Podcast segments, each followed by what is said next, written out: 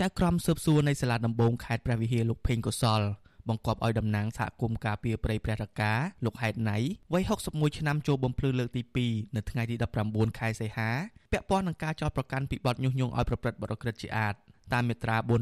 494និង495នៃក្រមព្រហ្មទណ្ឌដែលប្រព្រឹត្តនៅភូមិក្ដុលឃុំមលូព្រៃ1ស្រុកឆែបខេត្តព្រះវិហារកាលពីថ្ងៃទី6ខែកញ្ញាឆ្នាំ2020ពលរដ្ឋដែលរងបណ្ដឹងនេះលោកហេតណៃចាត់ទុកការចោទប្រកាន់នេះ ថាជាការបំបាក់ស្មារតីលោកកុំឲ្យធ្វើសកម្មភាពល្បាតព្រៃឈើក្នុងតំបន់ព្រៃព្រះរកាតទៅទៀតព្រោះកន្លងមកប្រជាសហគមន៍ធ្លាប់ប៉ះទង្គិចគ្នាជាមួយក្រុមឈ្មួញនិងមន្ត្រីជំនាញលោកសង្ស័យថាអាញាធមូលដ្ឋាននិងមន្ត្រីជំនាញគឺជាដើមមិនដឹងក្នុងសំណុំរឿងនេះប៉ុន្តែពួកគេមិនបង្ហាញឈ្មោះតំណាងសហគមន៍រូបនេះបញ្ជាក់ថាលោកនឹងចូលបំភ្លឺនៅតុលាការខេត្តព្រះវិហារតាមការកំណត់ព្រោះលោកមិនបានប្រព្រឹត្តកំហុសអ្វីដោយតុលាការចោទប្រកាន់នោះទេ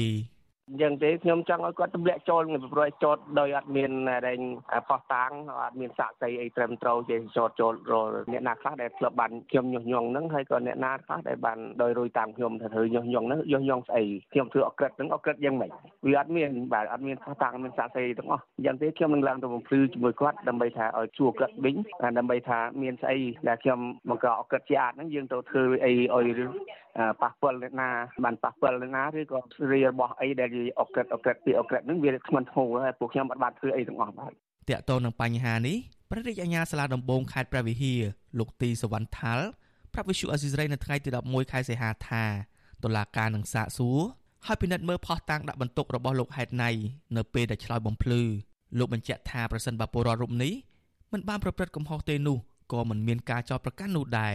បើអត់មិនក៏គេដាក់ពាក្យប្តឹងមកអញ្ចឹងមានមានមានតែភ័ស្តុតាងទេយកភ័ស្តុតាងដល់បន្ទុកទៅខាងខ្ញុំដកបတ်ចោតចោលណាបណ្ដឹងគឺបណ្ដឹងរបស់មន្ត្រីព្រះរកាហ្នឹងអាហ្នឹងមកពីក្រាបទៅមកតតាំងក្រាបទៅតតាំងទី300នាក់បត់សមត្ថកិច្ចវិញធ្វើឲ្យសមត្ថកិច្ចព្រៃព្រះរកាហ្នឹងខ្លាចរអាទៅជុំវិញរឿងនេះអ្នកសម្របសម្រួលសមាគមម៉ាត6ខេត្តព្រះវិហារលោកឡាវច័ន្ទឲ្យដឹងថា តុលាការបដូរបទចោទប្រកាន់ចំពោះលោកហេតណៃពីបទឆបោកក្នុងដំណាក់កាលតំណាងអัยការទៅជាបទញុះញង់ក្នុងដំណាក់កាលចៅក្រមស៊ើបសួរទៅវិញលោកយល់ថាការចោទប្រកាន់ដែលគ្មានភាពច្បាស់លាស់បែបនេះគឺជាការគំរាមកំហែងបំបាក់ស្មារតីពលរដ្ឋដែលស្ម័គ្រចិត្តការពារព្រៃឈើនិងឃ្លាំមើលបទល្មើសព្រៃឈើក្នុងតំបន់ព្រៃព្រះរកា ខ្ញុំយល់ឃើញថាមកដល់ពេលបច្ចុប្បន្ននេះចៅក្រមធ្វើសួរនៅក្នុងជំរំរឿងព្រំទាន់ខាងលើនេះនៅពេលដែលហៅគាត់សាកសួរឲ្យស្វែងរកការពិតឃើញហើយគួរណាតែទម្លាក់បទចោតប្រកាន់ទៅលើលោកហេតណៃដែលជាសកម្មជនដែលធ្លាប់ការពីបឋានក៏ដូចជាប្រេងឈើកន្លងមកដើម្បីផ្ដល់ភាពយុត្តិធម៌ជូនគាត់ សហគមន៍ការពារព្រៃព្រះរកាអះអាងថា